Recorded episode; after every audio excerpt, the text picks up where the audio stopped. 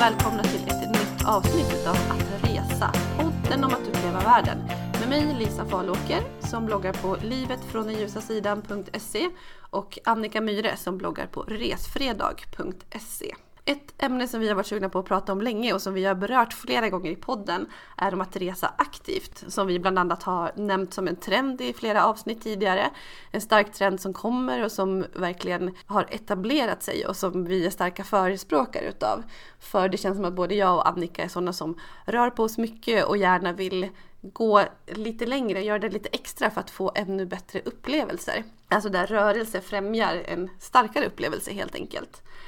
Vi har med oss en expert i det här idag, men jag ska först berätta vart vi sitter någonstans. För vi sitter på Grand Hotel i Saltsjöbaden i ett konferensrum och eh, träffar den här personen live, vilket är jättekul. Men det är också därför det kanske är lite mer ekande ljud än vad det brukar vara när vi sitter i våra studios typ med sammetsgardiner och sådär, för här var det väldigt kallt. Men i alla fall, välkommen Sara Rönne! Tack så mycket! Älskar att få vara en expert inom aktivt resande. Det är fantastiskt. Ja men det är du känns det som. Ja men det är också det bästa sättet att resa, eller hur? Det är liksom, man kan göra det överallt och ja, det är riktigt härligt. Vi har, både jag och Lisa har ju följt dig väldigt, väldigt länge. Ja, men det var väl så vi hittade dig ute på nätet när du bloggade genom din blogg som heter Träningsglädje. Och det var väl lite så du som myntade uttrycket att vara aktiv, att, att resa aktivt, att göra saker aktivt för hela Sverige skulle jag säga. Åh! Vilken härlig komplimang! Ja, alltså jag har ju bloggat sedan 2005 så att det är ju, eh, 2006 förlåt. Det är väldigt länge i alla fall, det är 11 år. Så jag började blogga om träning främst, alltså innan träningstrenden kom. Och det är så kul att nu har liksom även den så aktiva resetrenden kommit ifatt mig liksom. Så att det, det känns härligt att vara ute i, ja men lite grann så här, liksom ta första stegen i det. Så att, ja, nu är ju träningsresor en supertrend verkligen. Det finns ju hur många så här äh, paketerade träningsresor som helst. Och det här med att man kan åka till en stad och få äh, guidade löprunder och allting. Så att det är verkligen en, en enormt stor business. Ja, och träningsresor är ju en grej och jag tänker att resa aktivt, det är någonting mer, det är någonting större. Mm, precis, alltså jag tänker att eh, resa aktivt det blir ju precis vad man gör det till. Det kan ju vara allt från liksom, att ta den där golfrundan till att springa en morgonjogg i New York till exempel. Eller alltså göra vad som helst, ta med sina barn ut och köra ett träningspass i en lekpark i Barcelona. Alltså det kan vara verkligen allting. Men Sara, vem är du? Berätta! Ja, vem är jag? Um, jag är en person som älskar frihet, jag älskar upplevelser och jag älskar att prova nya saker. Om om jag fick välja tre ord så skulle det nog vara de tre orden. Jag bor i Åre till största del just nu. Jag bor också en hel del i Stockholm och jag jobbar som influencer och med content och med digital kommunikation. Så att jag är del av allt det som är nytt egentligen. Det här med att man pratar om saker på nätet, syns på nätet och sådär. Och sen har du ett annat jobb också.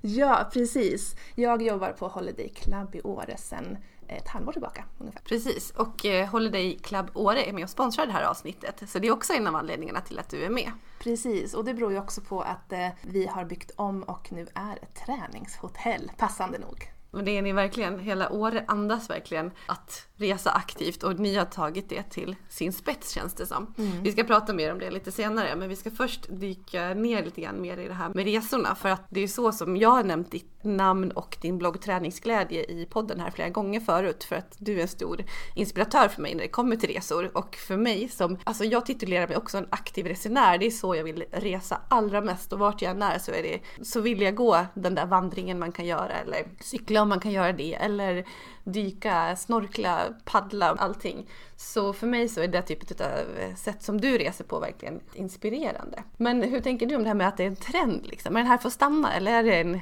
boom eller vad beror det på liksom? Ja, men jag tror absolut att den är här för att stanna och kanske växa ännu mer faktiskt. Men den, den här aktiva resetrenden kommer ju från att hälsa har blivit så himla stort på alla sätt och vis. Både fysisk hälsa men också mental hälsa. Och jag tänker på att vi blir ju alla äldre men vi blir också väldigt mycket friskare. Så att det här med aktivt resande passar väldigt många. Så oavsett om man är liksom 18 eller 25 eller 75 så, så passar det väldigt, väldigt många. Om man vill eh, ut och upptäcka nya saker och det här med att gå på museum, det kan vara jättehärligt och jättekul men det är lite grann gjort. Man kan läsa om det på liksom, ja, i böcker och se bilder på det. Medan det här med att uppleva saker och känna saker, det är ju något man verkligen får när man är aktiv. Om man, blir, om man kör till exempel ett löppass där man liksom blir svettig och så får man vara mitt i så här äh, Central Park till exempel. Det är ju väldigt häftigt. Eller man får ta den här eh, löprundan på en strand i Portugal. Det är också väldigt mäktigt. Så jag tror att liksom, aktiva resor handlar väldigt mycket om att uppleva och känna saker. Och vi vill ju känna mer nu när allting är digitalt. Då blir liksom känslan och upplevelsen blir liksom ännu större på något sätt, ännu mäktigare. Så det är vad jag tror om aktivt resande. Det känns lite som att jag har specifikt minne när vi var i Schweiz i Alperna och de jag reste tillsammans med de låg kvar vid hotellpoolen, det var en jättefin dag. Och jag tänkte nej, alltså nu ska jag ut och springa. Jag har längtat efter det här så länge. Och det kändes som när jag kom tillbaka, jag bara, alltså ni förstår inte vad ni går miste om, ni som ligger här kvar vid poolen. Jag har andats Alperna, jag har sett och jag har känt och lungorna är liksom som nya. Ja, det, var... det blir liksom för alla sinnen på något sätt. Det är ju ganska lätt att liksom ta en bild på en pool liksom. För att så här, poolen är där, den är jättehärlig och jättefin och turkos och det ser härligt ut. Men kommer man ut till exempel på en stig i Alperna, alltså man har ju bergen där och det blir så mycket 3D alltsammans. Så det går inte att, att fånga på en bild eller beskriva i ord. Det är liksom en känsla som, om det går rakt in i kroppen verkligen. Så det är häftigt. Men det är så också, jag tänker du skriver mycket om träning och hälsa och det är verkligen ditt område. Finns det saker som händer i kroppen som gör att man tar in det ännu mer? Eller varför blir upplevelsen starkare utav att man får den på det sättet? Ja men jag tror personligen att det handlar om olika rus i kroppen, alltså man får som så här kickar. Och om jag skulle få beskriva det med mina så här amatörord så är det som att när man är ute och gör någonting aktivt så blir man ju lycklig bara av det. Och att då liksom kombinera de här lyckorusen som skapas när man rör på sig med så här vackra vyer och häftiga upplevelser. Det kan vara allt från sandstrand till skyskrapor liksom. Det i kombination tror jag är oslagbar. Verkligen. Och sen så blir man ju så nöjd med att varit ute och, ja, men, och rört på sig. Det är ju en, en jättehärlig känsla att ha varit ute och varit aktiv och sen få äta god mat till exempel. Att liksom få in alla de aspekterna. För jag kan känna när jag är väldigt still till exempel, när jag har legat på en strand eller i en solstol så känner jag mig så lite vet, rastlös i kroppen. Det är liksom, ja men det kryper sådär och då är det inte jättehärligt att gå och äta massa mat. Medan om jag varit ute och så här, men, sprungit eller gått någonstans, då blir allting härligare. Det är som att man liksom reser med kroppen. Det lät väldigt klyschigt men alltså det, ja, det är en jättehärlig kombo. Ja, men det är ju så. Jag känner precis samma sak också. Brukar prata om det med balansen. Att man njuter mer utav den där maten efteråt. Eller det där som kanske kan utgöra guldkanten också. Förutom att eh, själva guldet som sådant och diamanterna det är under de här upplevelserna. Och då handlar det inte om att se till att nu ska jag ha förtjänat det här. Utan det, man njuter bara lite mer av balansen. Man känner sig mm. liksom lycklig på alla längder och bredder brukar jag tänka. Ja precis, för jag tänker så att många som är så att åh nu ska jag på en träningsresa eller en aktiv resa, då kanske man tänker att ja men nu ska jag liksom bara äta nyttigt och sådär. Men det handlar inte om det utan det handlar om att få in allting. Att få in vinet eller sangrian eller liksom den italienska glassen eller vad det nu kan vara för någonting. Att få in alla bitar i det hela. Jag skrev faktiskt precis ett blogginlägg om mina resedieter på mina resor. Ja, det läste jag. Det var väldigt roligt. Vad var det? Pepparkaksdeg och... Ja, alltså jag och min kompis hade någon bild om att vi skulle komma hem och vara så snygga och smala och solbrända. Så att jag packade ner en hel väska med Nutrilett så vi drack Nutrilett typ hela veckan. Men sen var det jul och hon var där på Kanarieöarna och jobbade så jag hade packat ner ett paket med pepparkaksdeg också som vi smällde i oss under den här resan. Och jag tänker, jag hade nog kommit hem och varit lyckligare om vi istället hade typ spelat tennis, sprungit på stranden, ätit av god mat istället för att späka sig och sen, alltså jag förstår inte riktigt. Mm. Jag har ju förstått det nu. Ja, men, men det, man behöver ju komma till den insikten själv. Ja, ja men precis. Jag kommer ihåg när jag, för jag har varit ganska mycket i New York och där kan man ju verkligen gå och gå och gå liksom. Och jag minns så väl för jag hade min iPhone med mig för, ja, det var något, något år sedan, så såg jag hur många steg vi hade gått. Alltså man går ju typ ett maraton nästan och då kan man ju äta. Alltså det är det som är så härligt, liksom, att man är aktiv och verkligen liksom kan så här, men, äta donuts med glass mellan, alltså så här, alla de här galna grejerna som de har i, i USA och att det är så här, det är fine liksom. Du pratar om, jag vet att du tycker om New York väldigt mycket. Eh, jag tänkte fråga om det finns några platser i världen generellt som du tycker passar bättre att åka till om man vill eh, resa aktivt. Du får gärna berätta om några sådana resor som du har gjort utomlands. Ja, Åh, svårt att rangordna. Allting beror främst på årstid tycker jag. Och sen så lite grann med vilket resesällskap man har. Men jag tycker att New York är härligt bara för att alltså, allting finns där. Och det är så kul för att när, man, när jag läser om New York och då brukar jag se liksom vart folk bor någonstans och alla vill ju bo i Soho. Men jag vill aldrig bo i Soho för det är så långt till så bra springstråk där.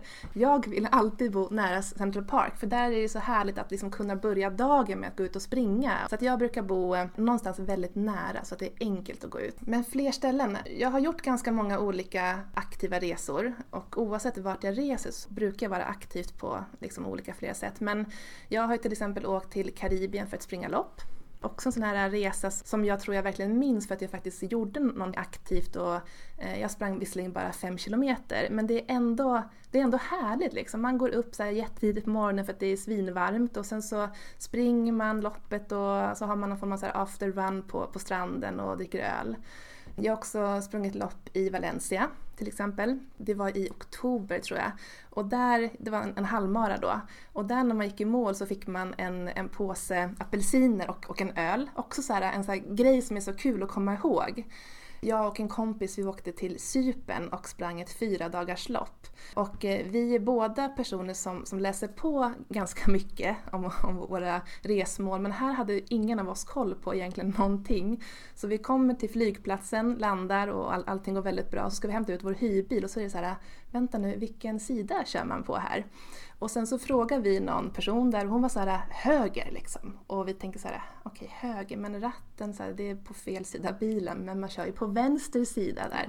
Så att så här, jag har ganska många kul minnen från olika ställen. Och det var ju ett fyra dagars lopp där på Sypen där man sprang olika sträckor olika dagar. Så att eh, första dagen så hade man en så time trial så att man sprang 6 km eh, slätt.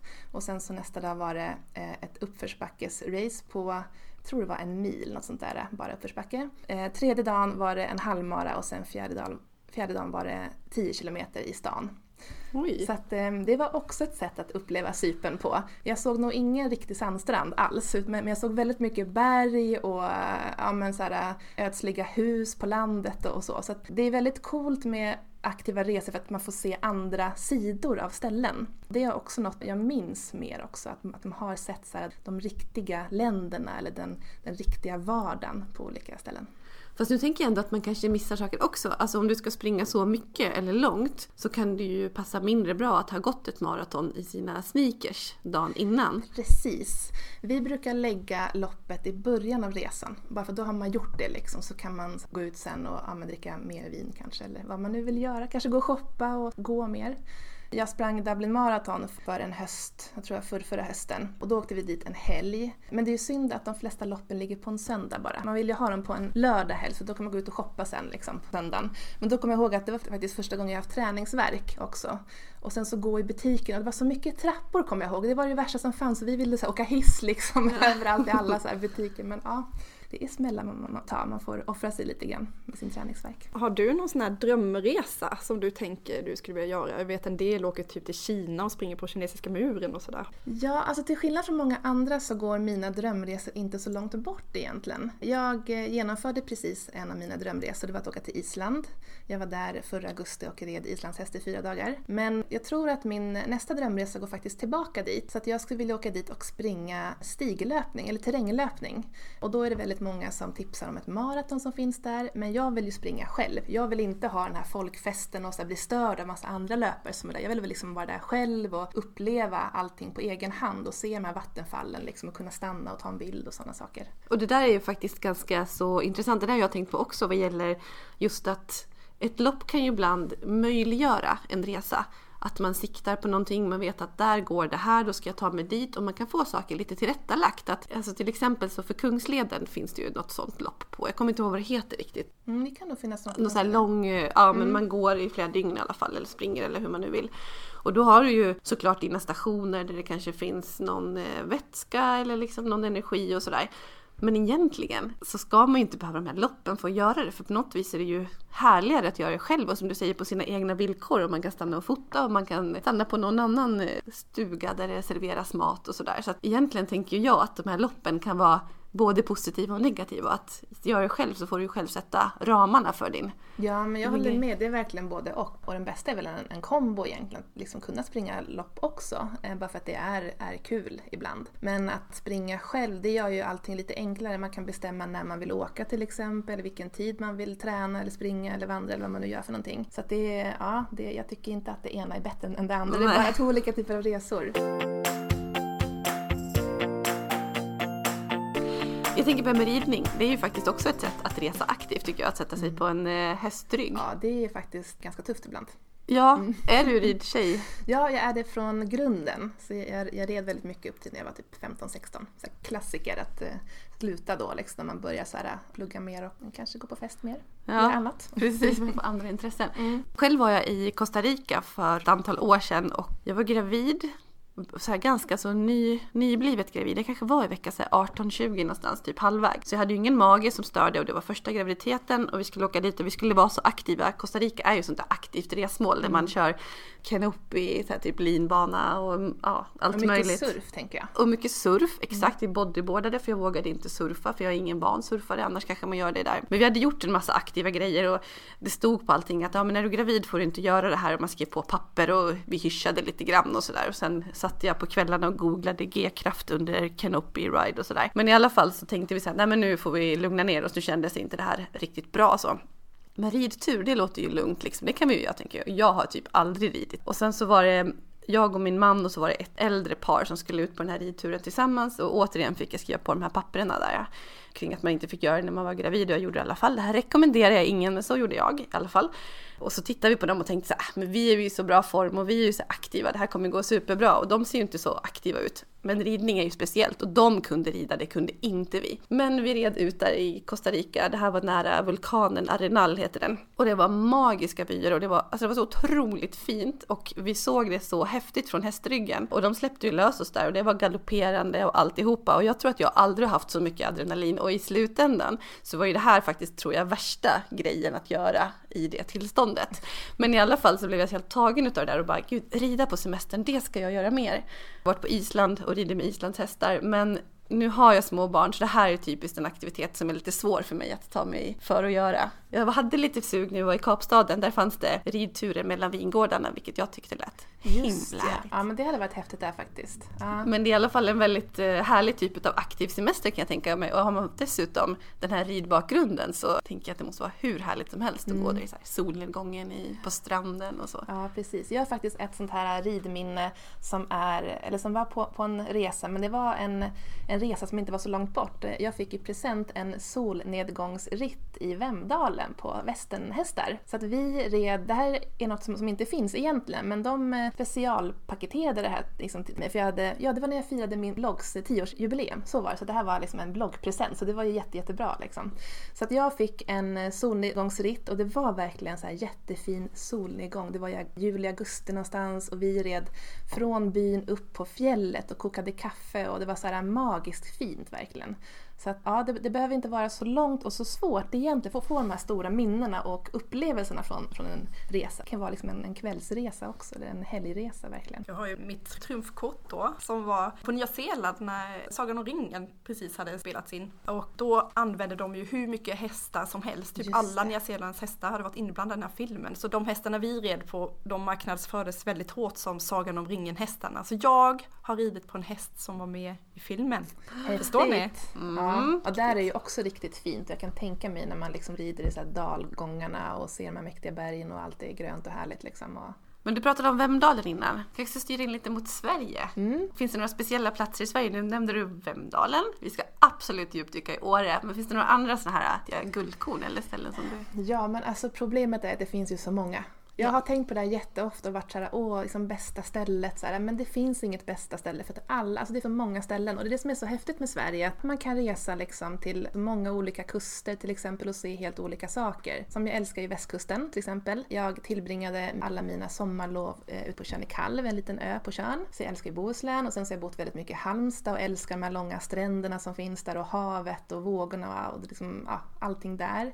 Jag, eller min pappa är från Skåne så jag tycker väldigt mycket om Skåne också också. Min farmor var, var från Blekinge så jag älskar ju det också för det är också liksom speciellt. Och ja, men Stockholms skärgård är också fantastiskt. Så ni hör ju vilka, vilka problem jag har.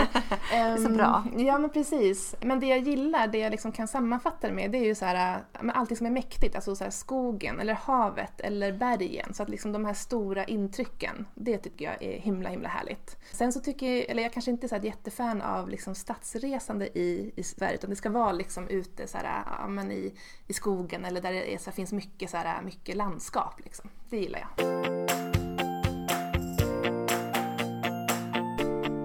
Du pratar om Åre Lisa. Jag var ju faktiskt och besökte Åre för första gången i hela mitt liv nu i eh, januari och träffade dig där uppe på Holiday Club. Och jag kom hem från den här resan och hade så mycket intryck och jag var, jag var väldigt, väldigt nöjd med den här resan. Och en av de största naturupplevelserna där som jag absolut inte hade förstått att man kunde få i Sverige det var när vi tog bilen ut till Tännfossen, Sveriges största vattenfall. Precis. Och det var fruset delvis och det var sån här isformation i hela vägen och vi var nästan i princip ensamma på det här stället. Och då tänkte jag igen, som jag ofta säger, alltså, varför åker jag så himla långt när jag inte har sett det här som vi har mm. i Sverige? Ja, och det finns så många sådana platser överallt. Det är det som är så häftigt med Sverige. Men jag vet att du är en person som gillar sandstränder och värme. Mm. Hur, hur kändes det inför den här resan? Var det lite grann så att, oh, måste jag? Eller hur, vad hade du för tankar innan du kom till Åre? Jag, jag är gift med, med en man som har vuxit upp med att åka mycket skidor. Så han har ju ändå liksom slussat in mig sakta men säkert. Vi har ju varit i Sälen en del och eh, firat jul och åkt skidor och sådär. Men jag har inte känt mig helt bekväm. Det är som att jag står utanför och tittar på när någon annan håller på med sina skidor och snön är kall och jag fryser och sådär. Så jag var lite rädd inför den här resan. Men nu kunde jag för första gången känna att wow, jag, jag är med i matchen. Mm. Och då att om jag klär på mig rätt kläder och... Eh, Som du mässade mig för att få låna? Ja! har du några täckbrallor? Lisa, jag vet att hon har så fem, fem uppsättningar av allting. Mm. Ja, det är bra, tack så mycket. Men det är ju det, alltså jag tror att man har mycket för hur man är uppvuxen, hur familjen har... Vi åkte inte skidor när jag var liten. Vi åkte, våra semester var ju till sommarstället där det var liksom fokus på bad och springa i shorts och ha det härligt liksom. Och när det var kallt så frös vi och satt och gjorde en brasa inomhus istället. Mm. Men det, det, du säger det är intressant för jag tror att det finns ofta liksom en tröskel när, när det kommer till aktiva resor för att det liksom krävs det kunskap liksom. Och det behöver inte vara så svårt alltid men att det blir lite svårare för att det är lätt att åka till en strand och packa sin bikini liksom. Det är så superenkelt. Men så ska man iväg och springa någonstans eller man ska iväg och vara lite aktiv. Då är det så här, åh vart ska man springa? Vad ska man ha med sig? Är det liksom varmt? Är det kallt? Det blir tyvärr lite svårt, men det behöver inte vara svårt egentligen. Man gäller att man bara liksom läser på lite, lite. Kanske frågar en vän till exempel, det är ju allra, allra bästa. Det är väldigt kul att du är positiv efter den här resan som då var i januari. Det kan ju vara svinkallt och ganska så här kärvt, men vi hade verkligen fantastiskt bra väder och ja, men det var verkligen en super, superhelg som jag också minns jätte, jätteväl. Men det där är ju också härligt som du säger apropå väder. Alltså jag förespråkar ju absolut att är man rätt klädd så klarar man sig igenom mycket. Och sen är det mycket inställning också. Man behöver inte ha de här bästa, bästa funktionskläderna. Även om jag gillar det och har fem sådana uppsättningar för att jag går igång på det så himla mycket. Så håller man sig torr och håller man sig varm så klarar man så himla mycket mer. Och du brukar ju säga Sara att du älskar väder. Ja. Och det är så inspirerande. Det brukar jag ofta ta fasta på och börja säga det också. Men väder, det är härligt. Ja. Eller jag tycker det men det är uttrycket. Ja, jag hade en diskussion om just det här med väder och olika resmål med en kompis och nu kommer alla som älskar stränder kommer tycka så här, hur menar du nu? Men då så pratade vi just där om liksom bilden av en sandstrand. Den kan ju vara jättehärlig. Jag tror vi kollade på en bild från Maldiverna och så var vi så att ja, men det ser superhärligt ut. Man liksom bor på små bryggor och så här klart vatten och, och strand och sådär. Så jättefint liksom. Men man blir lite trött på det för det ser likadant ut varenda dag. Medan typ om man tar då fjällen till exempel, då kan man ha snöstorm en dag och sen så har man så här jättefin med solsken och ja, men så här fantastiskt fint väder en annan dag. Det ser liksom, man får ju allting där på något sätt. Och just det här med väder, det får ju en att känna att man verkligen lever väder. Som jag var uppe till eh, Sylarna, det är ju ett, ett fjäll utanför Åre. Och eh, vi var där och det var superfint väder men det var också, det blåste jättemycket. Alltså man fick liksom som en brain freeze bara av vinden när man stod där på, på toppen av fjället. Men, eh, men det var så häftigt för att man, man levde verkligen. Alltså jag kände mig så här, gud jag står här och det liksom blåser som tusan och jag är, jag är vid liv liksom. Jag blev så himla så här, energifylld av det. Så det, det är coolt med väder. Och om man inte har det där så nära sig, att tänka så liksom, alltså vad gäller utrustning, att åka iväg på en aktiv resa. Har du några tips här att ge på vägen där? Behöver det kosta? Behöver man kitta upp med värsta funktionskläderna som Lisa pratar om? Det kan ju bli ganska dyrt tänker jag. Ja, alltså det som är så bra idag det är att det har kommit så himla smarta lösningar för det här och idag kan man faktiskt hyra jättefina plagg. Så att det blir, man, man behöver inte köpa, man kan bara hyra och det är inte superdyrt det går verkligen att göra. Det finns ju olika tjänster, till exempel Houdini har en sån här tjänst men även en tjänst som heter Renta Plug, en sajt. Men det jag tänker är så här att vi ofta har ju liksom så plagg för att kunna göra så en expedition på flera dagar till typ någon så här jättehög fjälltopp. Men vi ska kanske ut och åka längd en halvtimme så. Så att det här med att liksom vara varm och torr, det är nog de bästa tipsen där tror jag och då, liksom, då funkar ju allting egentligen. Bara ha bra strumpor typ och en bra underställ så är man hemma. Men du Sara, jag skulle jättegärna vilja höra lite mer om ditt jobb på Holiday Club som faktiskt är med och sponsrar det här avsnittet som vi såklart är jätteglada för.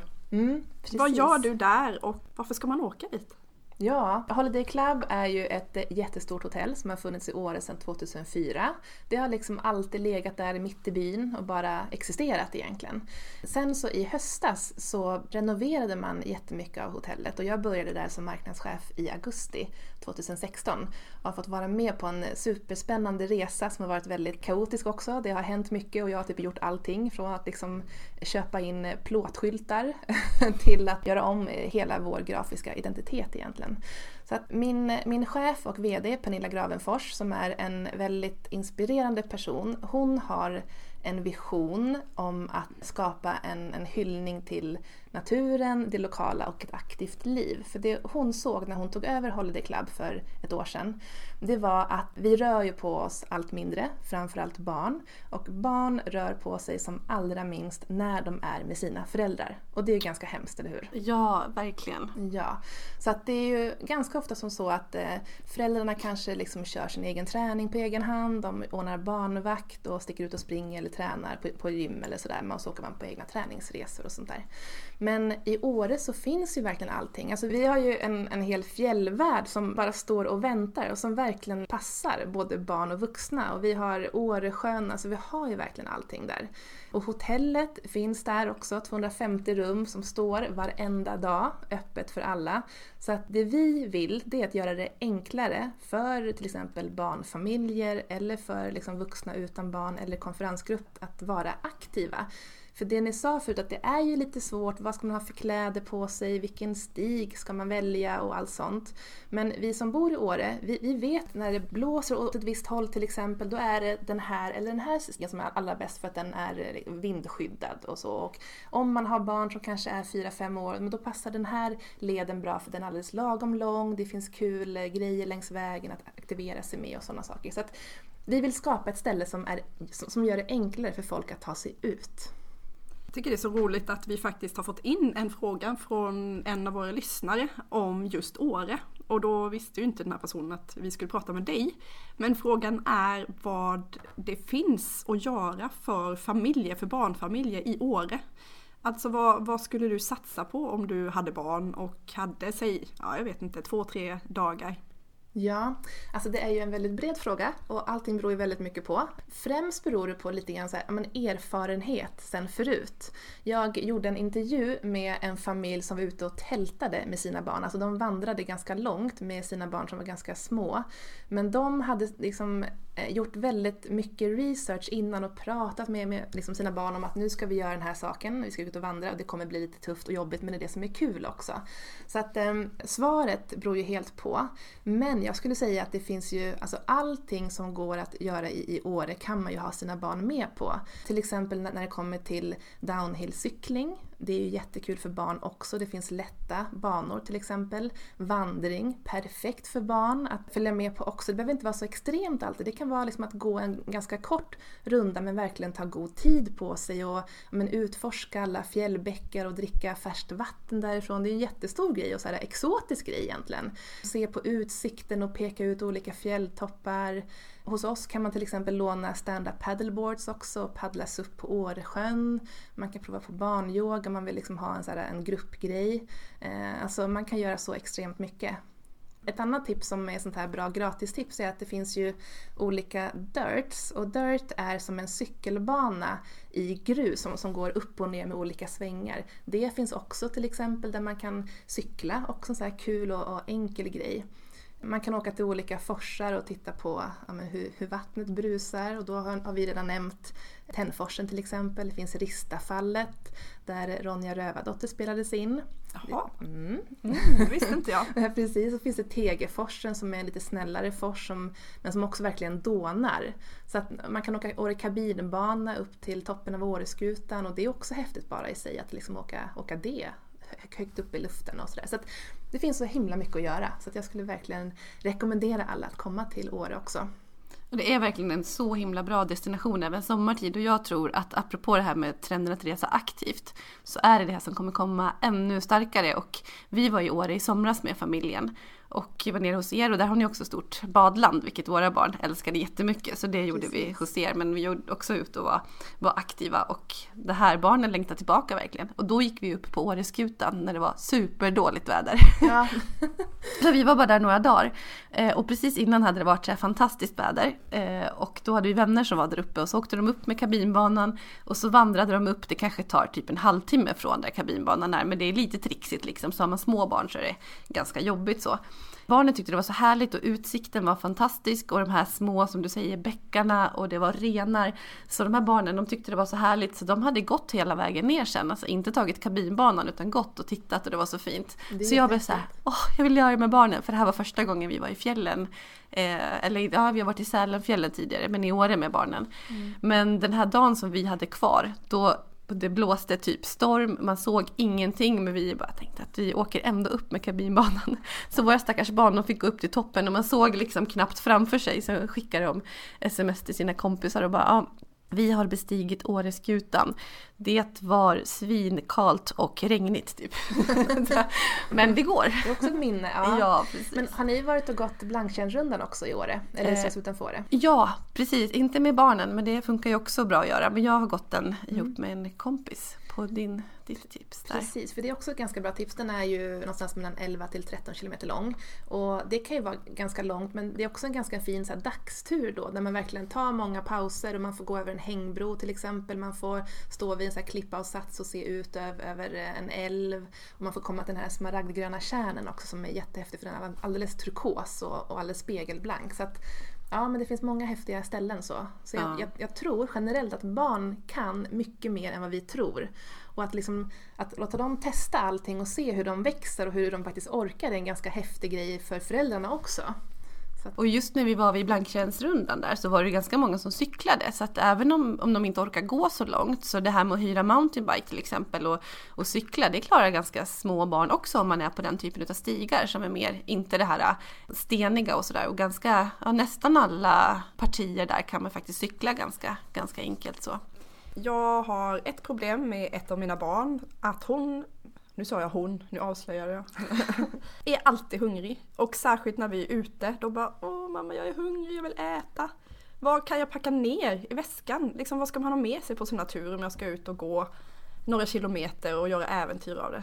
Alltså man ska ha med sig mycket energi. För det värsta som finns, oavsett om man är barn eller vuxen, det är att vara så här hungrig eller sugen eller ha lågt blodsocker. Så mycket och bra och härlig energi. En klassiker är ju en sån här trail mix som är en mix av nötter och lite choklad och lite torkad frukt.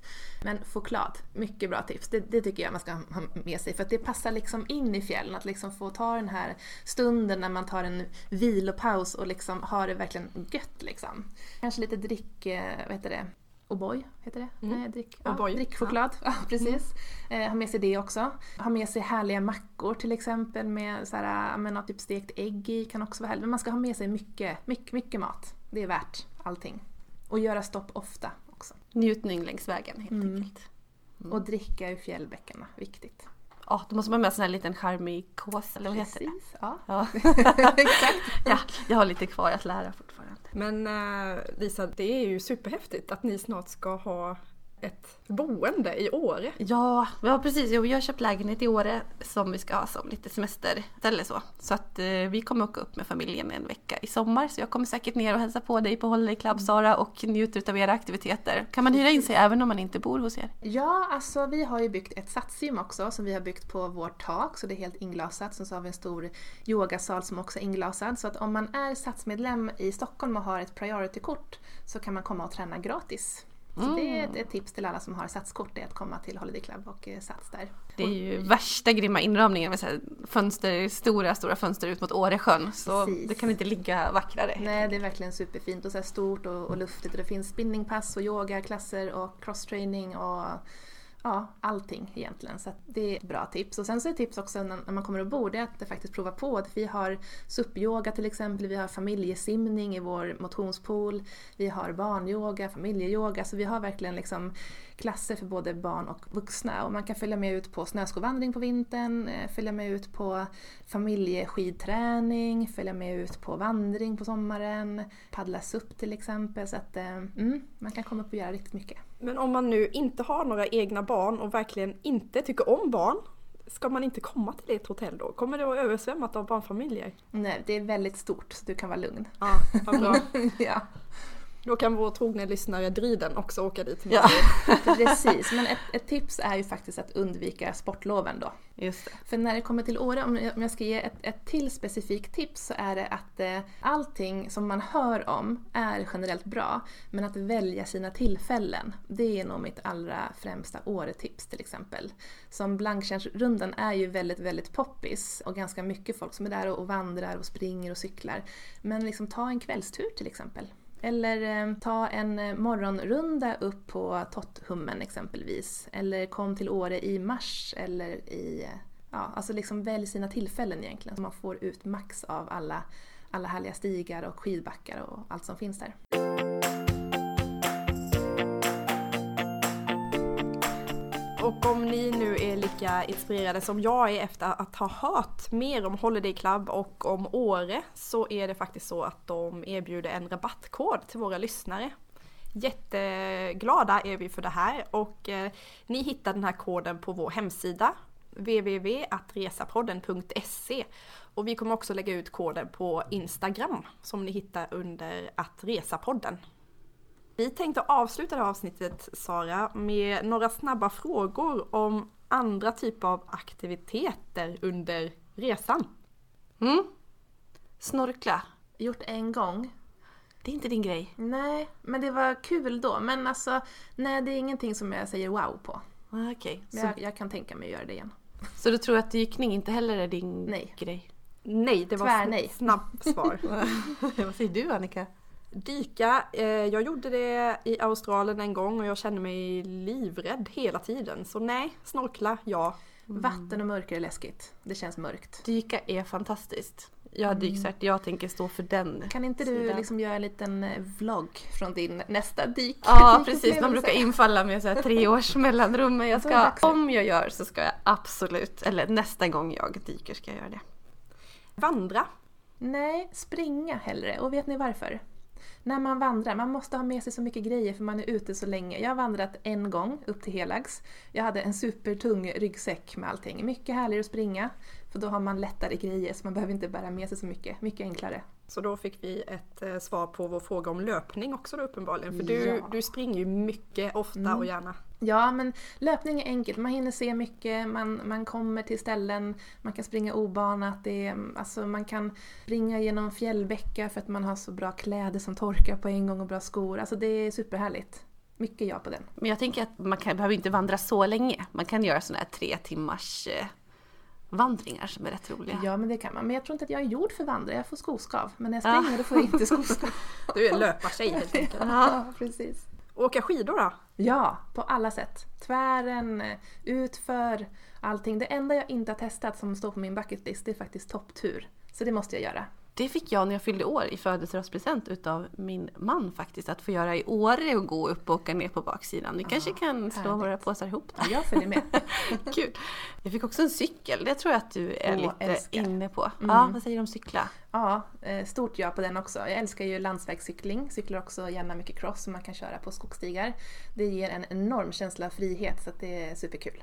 Du har faktiskt cyklat från Stockholm till Åre. Ja, jag cyklade från Stockholm till Åre för att vara med på en, en träningshelg som heter Workout Åre. Så mm, det var också en upplevelse som jag minns med glädje. Hur lång tid tog det? Ja, alltså det var ju 65 mil och eh, jag cyklade på fem dagar så jag tog det ganska lugnt. Men det är också ett ganska bra tips att inte hetsa sig för då kan man njuta i lugn och ro och verkligen ta tid på sig. Och, ja, det var superhärligt. Jag minns det som att jag hade, det var bara nedförsbacke och jag hade bara medvind liksom. Alltså det, det var inte ens jobbigt. Superminne. Coolt. Åker du downhill också? Nej, inte provat. Vill du? Nej, jag tror att jag kommer slå mig för mycket. Jag gillar inte att slå mig. Mm. Paddla då? Jag paddlar gärna SUP, stand-up paddling. Eh, Jag har faktiskt inte paddlat så mycket annat.